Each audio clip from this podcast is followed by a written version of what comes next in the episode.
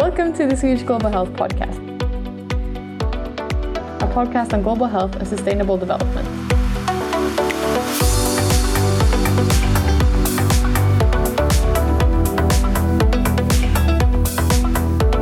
My name is Lotta.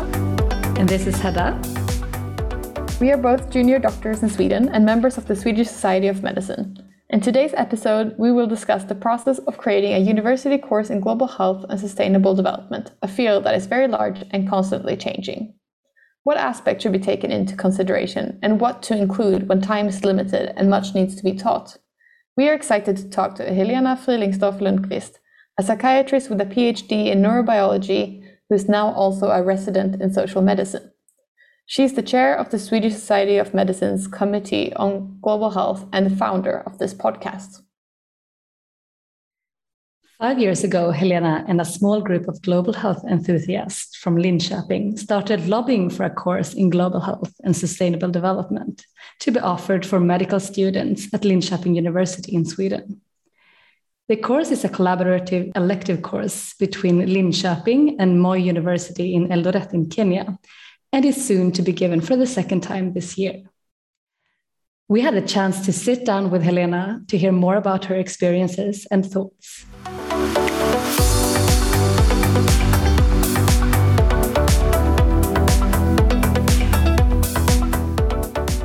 Welcome to the Swedish Global Health Podcast, Helena. We're very, very happy to have you here as a guest today.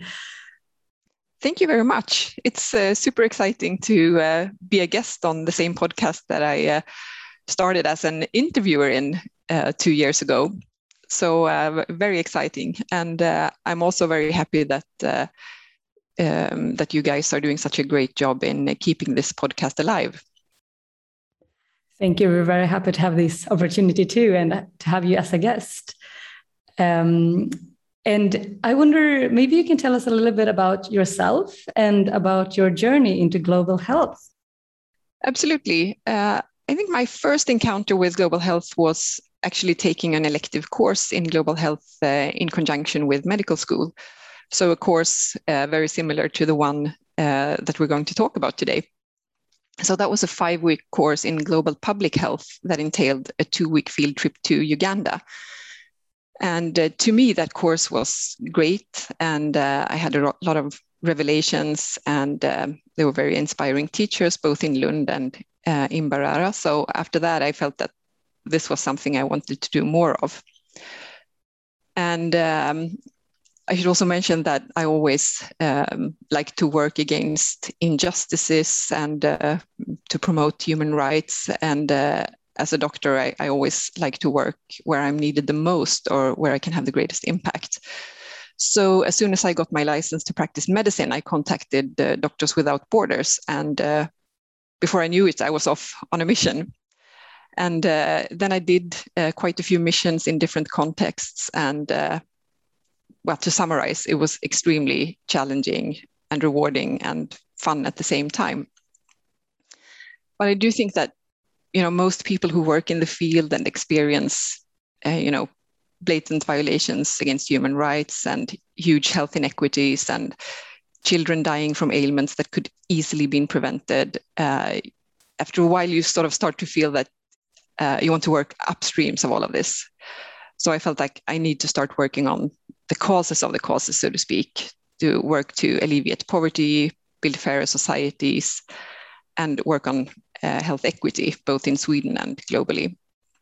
So that led me to my current residency in social medicine. That is a really um, fascinating journey. And I guess one step of kind of working more upstreams is also working on the education end of things and making sure that the new generation of doctors are also learning about injustices and health equity and so on. Uh, one year ago, you were in the process of um, starting up a course in global health and sustainable development at Linköping University in Sweden. Or, in fact, I should say maybe five years ago, although this course started in the past year. Um, and it's quite unique that this um, course is starting from scratch now, as many of the other global health courses have been around for a while. So, can you tell us a bit more about how this process um, has been and how you started uh, planning a global health course from scratch. Absolutely. So uh, I think there was maybe 10 or 15 years ago a small elective course that was more focusing on tropical medicine and um, diseases of low income countries. And uh, then for a long period of time, there was nothing. And I think that um, the reason for that is that we don't really have an institution for global health in Linköping, unfortunately.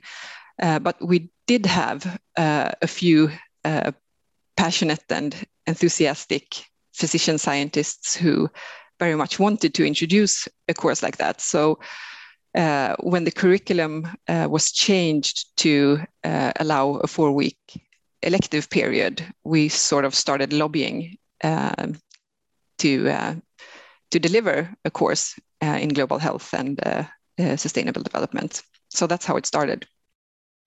Okay.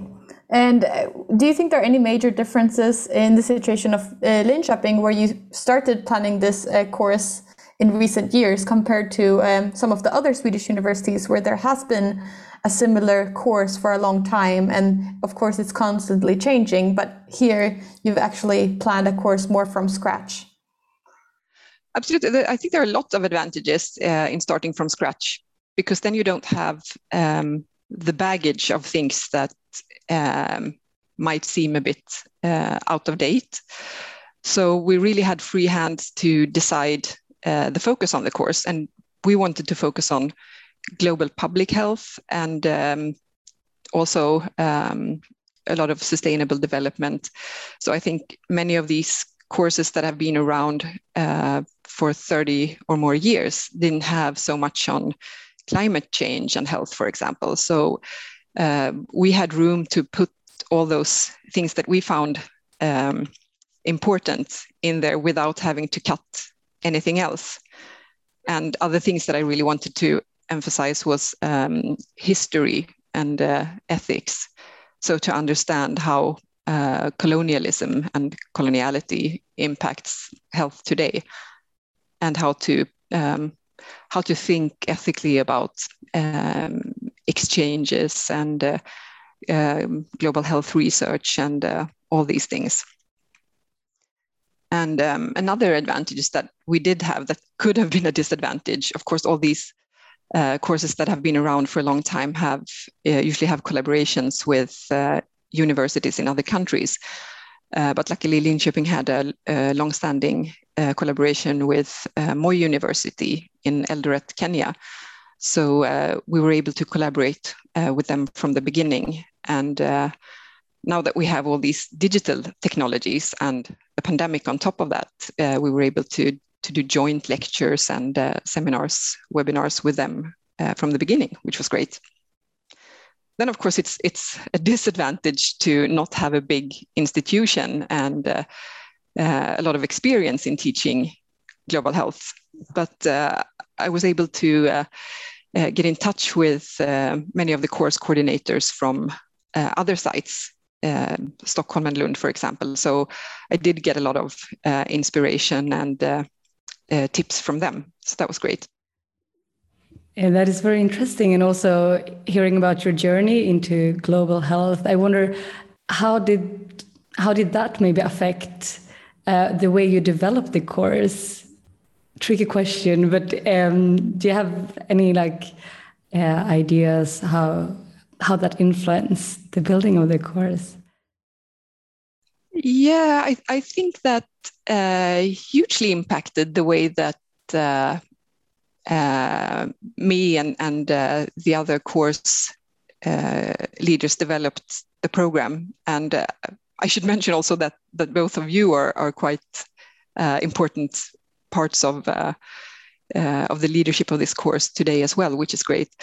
And uh, yeah, so I would say that we sort of have, although the focus is um, uh, global public health, we still have um, sort of the link to uh, to practical medicine and working in low resource settings and how that makes you think about um, the social determinants of health and um, inequities in uh, healthcare delivery, um, how that uh, builds into universal health coverage, all those things. So I sort of go back and forth between um, my experience from working in the field to um, all the way to uh, policy making and, uh, and and sort of the the bigger uh, picture.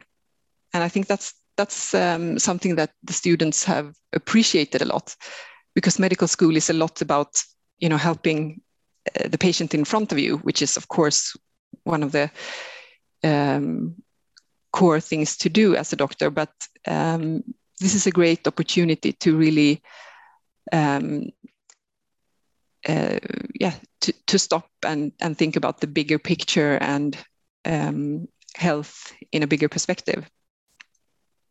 So that's a, a long answer to a, a short question, but I hope you follow. Absolutely. And uh, I know myself when I um, uh, had this, uh, I studied global medicine for the first time, um, having an elective course during med school. It was also the first encounter of really kind of lifting, changing the perspective into the health system and everything else that leads up to a patient falling sick or a person falling sick. As you say, like there are things that are problem- problematic teaching global health in Sweden, since we're a high income country and um, with all the history about global health and like tropical medicine, we have a baggage of um, of ethical considerations that need to be done. So, what things are problematic about teaching global health in Sweden, and how to work with that? Well, I, I think that um, the main problem when collaborating with uh, with partners in uh, uh, in low or middle income countries is that there can be this power imbalance. Um, as you mentioned, Sweden is a, a, high income country, and if we have more more resources and uh, and more funding, um, the power balance um, becomes tipped and I think that I mean the, the only way to to deal with that uh, once and for all would be to to decrease uh, economic inequality worldwide, which I hope will happen one day. But for now, what, what we can do is to uh, to really make sure that uh, all exchanges are mutual. So, for example, we don't send um, 20 Swedish students to Kenya without having an exchange from Kenya to Sweden. And, uh, and we collaborate from the uh, beginning. And we also really try to teach the students that global health is not about uh, rich countries teaching poor countries how to do things right. Like it's a, it's a mutual um, learning and teaching. And uh, we have a lot to learn. Um, especially in, in psychiatry, which is my field, where uh, low income countries have come a lot further in, uh, in task sharing and uh, in uh, providing mental health care for larger groups of people, for example. So, so those are some things to, to keep in mind.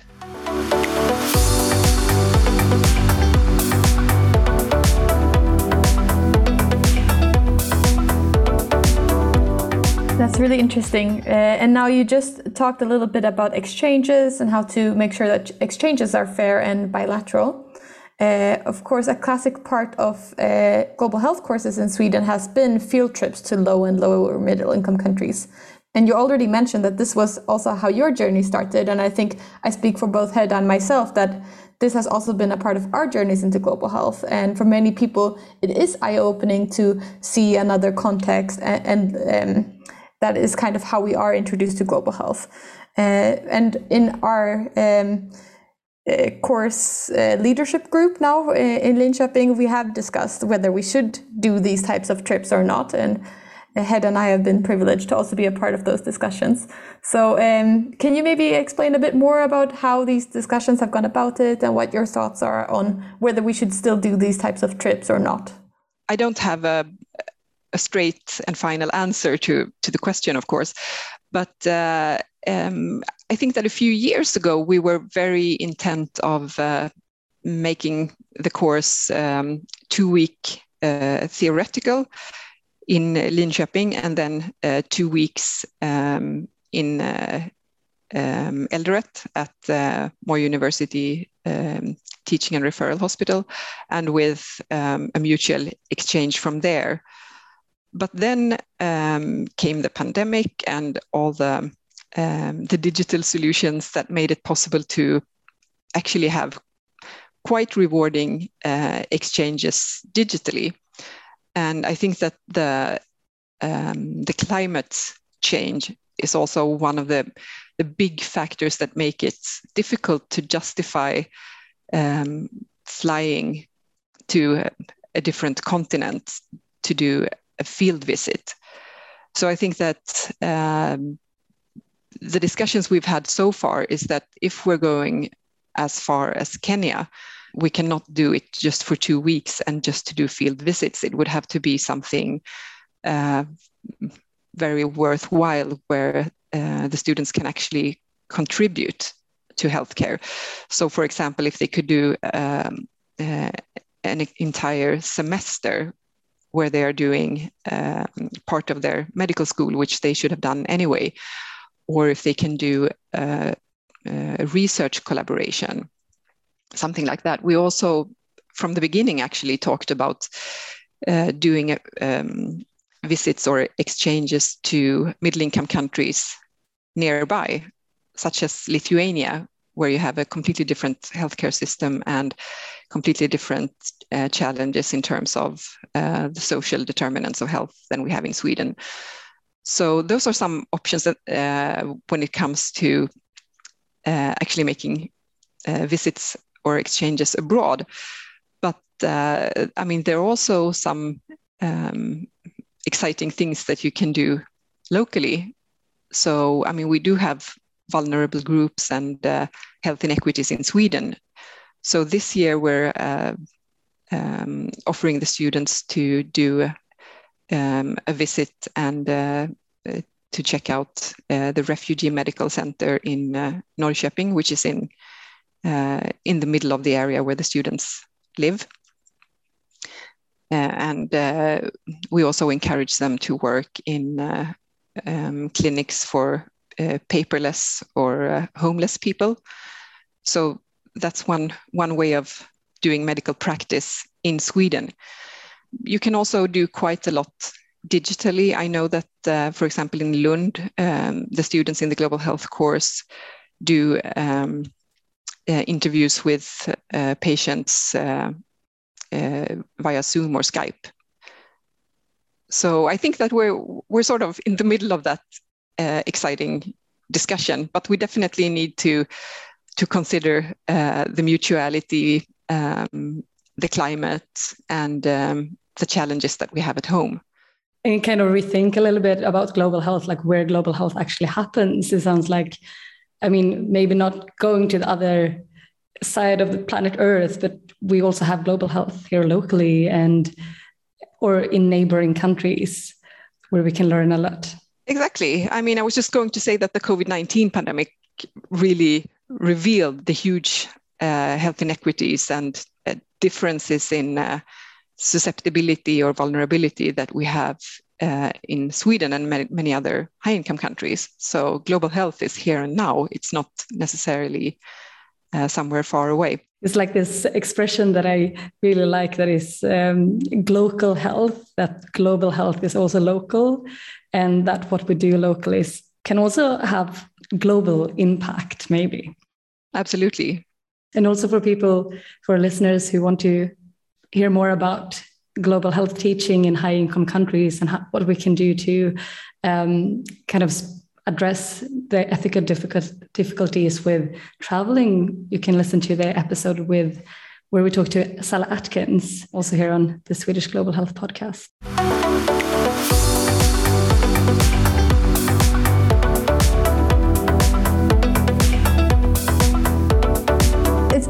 Interesting to hear about your thoughts on global health education and uh, how you try to uh, design a more or a course where ethics and history is at the center of it. Um, we now want to move on to our final uh, five questions, which are just some short questions to get to know you a little bit better. Uh, our first question is if if whether you have any uh, favorite moment in teaching global health or in global health that you would like to share with the listeners. Yeah, if I could just pick one, uh, it would be from the course that we just gave this spring, uh, when one of the students, after we had um, the day with presentations on global health research, so he said that oh, I always thought that uh, research seemed boring and not really my cup of tea, but now I realize that research in global health is exciting and important and and can really lead real change. So he was actually going to contact some uh, global health scientists to see if he could um, start a project. So that was that was a fine moment, music to my ears. That's amazing. Um, okay, next one. Best tip for a young person uh, wanting to engage or who is already engaged in global health? Um, I think to to get in, if you're not already, get in touch with other engaged people nearby and uh, do things together and um, uh, to check out online courses, um, follow this podcast, for example, and also to to start today to to think and uh, to work on small ways of contributing to equitable health and sustainable development um, in your uh, in your regular life and, and local community. Definitely, everyone can do something. Yeah, I agree. And I think uh, it's always really nice to find people close by that share your interests and passions. But I would also just recommend that due to the digitalization of things, especially in the past few years, I think there are a lot of global collaboratives where young students can also engage and meet, you know, students from other countries that also share your interests. So I think there are a lot of research collaboratives, but also just uh, student associations uh, that exist on a global scale, uh, not necessarily involving traveling, but um, where you can still learn more. Very true. And and and speaking of of the uh, online courses, I, I, forgot to mention that uh, uh, one of our goals also with this course, since it's digital anyway, is to sort of open it up to to students from all over the world. Uh, so it's definitely going to be exciting to see where this course is in 10 years time. Our next question is uh, if you have any book that you want to recommend, and it could be a global health book or just any book that you've read. Yeah, I, I would really like to recommend a book called Epidemic Illusions on the Coloniality of Global Public Health by uh, Eugene Richardson. It's, it's very well worth reading. A person that inspires you? Uh, if it's okay to mention two persons, uh, I would like to start with uh, Vikram Patel, who is a larger than life um, psychiatrist and scientist in uh, global mental health, who uh, founded the term uh, mental health for all by all so he's great. Uh, so uh, check him out on, on YouTube if you haven't already. And uh, the other person who has meant a lot for me is Margareta Kristenson, my mentor, who is, um, I would say, the queen of health equity in Sweden. Very inspiring. That's a very cool title to have. And uh, I know she's also going to be a part of this um, global health course in Linköping. So uh, it will be great for the students to hear from her as well. Our final uh, short question is if you have any secret skill or talent that you can share. yeah, uh, not sure if it's uh, so secret, or at least it won't be after this podcast. But I'm quite good at making up funny little rhymes, you know, for, for Christmas gifts or other occasions such as uh, weddings or parties. That is such an amazing secret skill. Uh, look forward to to hear some of your rhymes sometime. Well, with that, we want to say a big thank you for this very interesting and inspiring conversation about building a course in global health from scratch. Well, thank you, and and uh, I look forward to uh, more coming episodes of this uh, podcast. Thank you so much.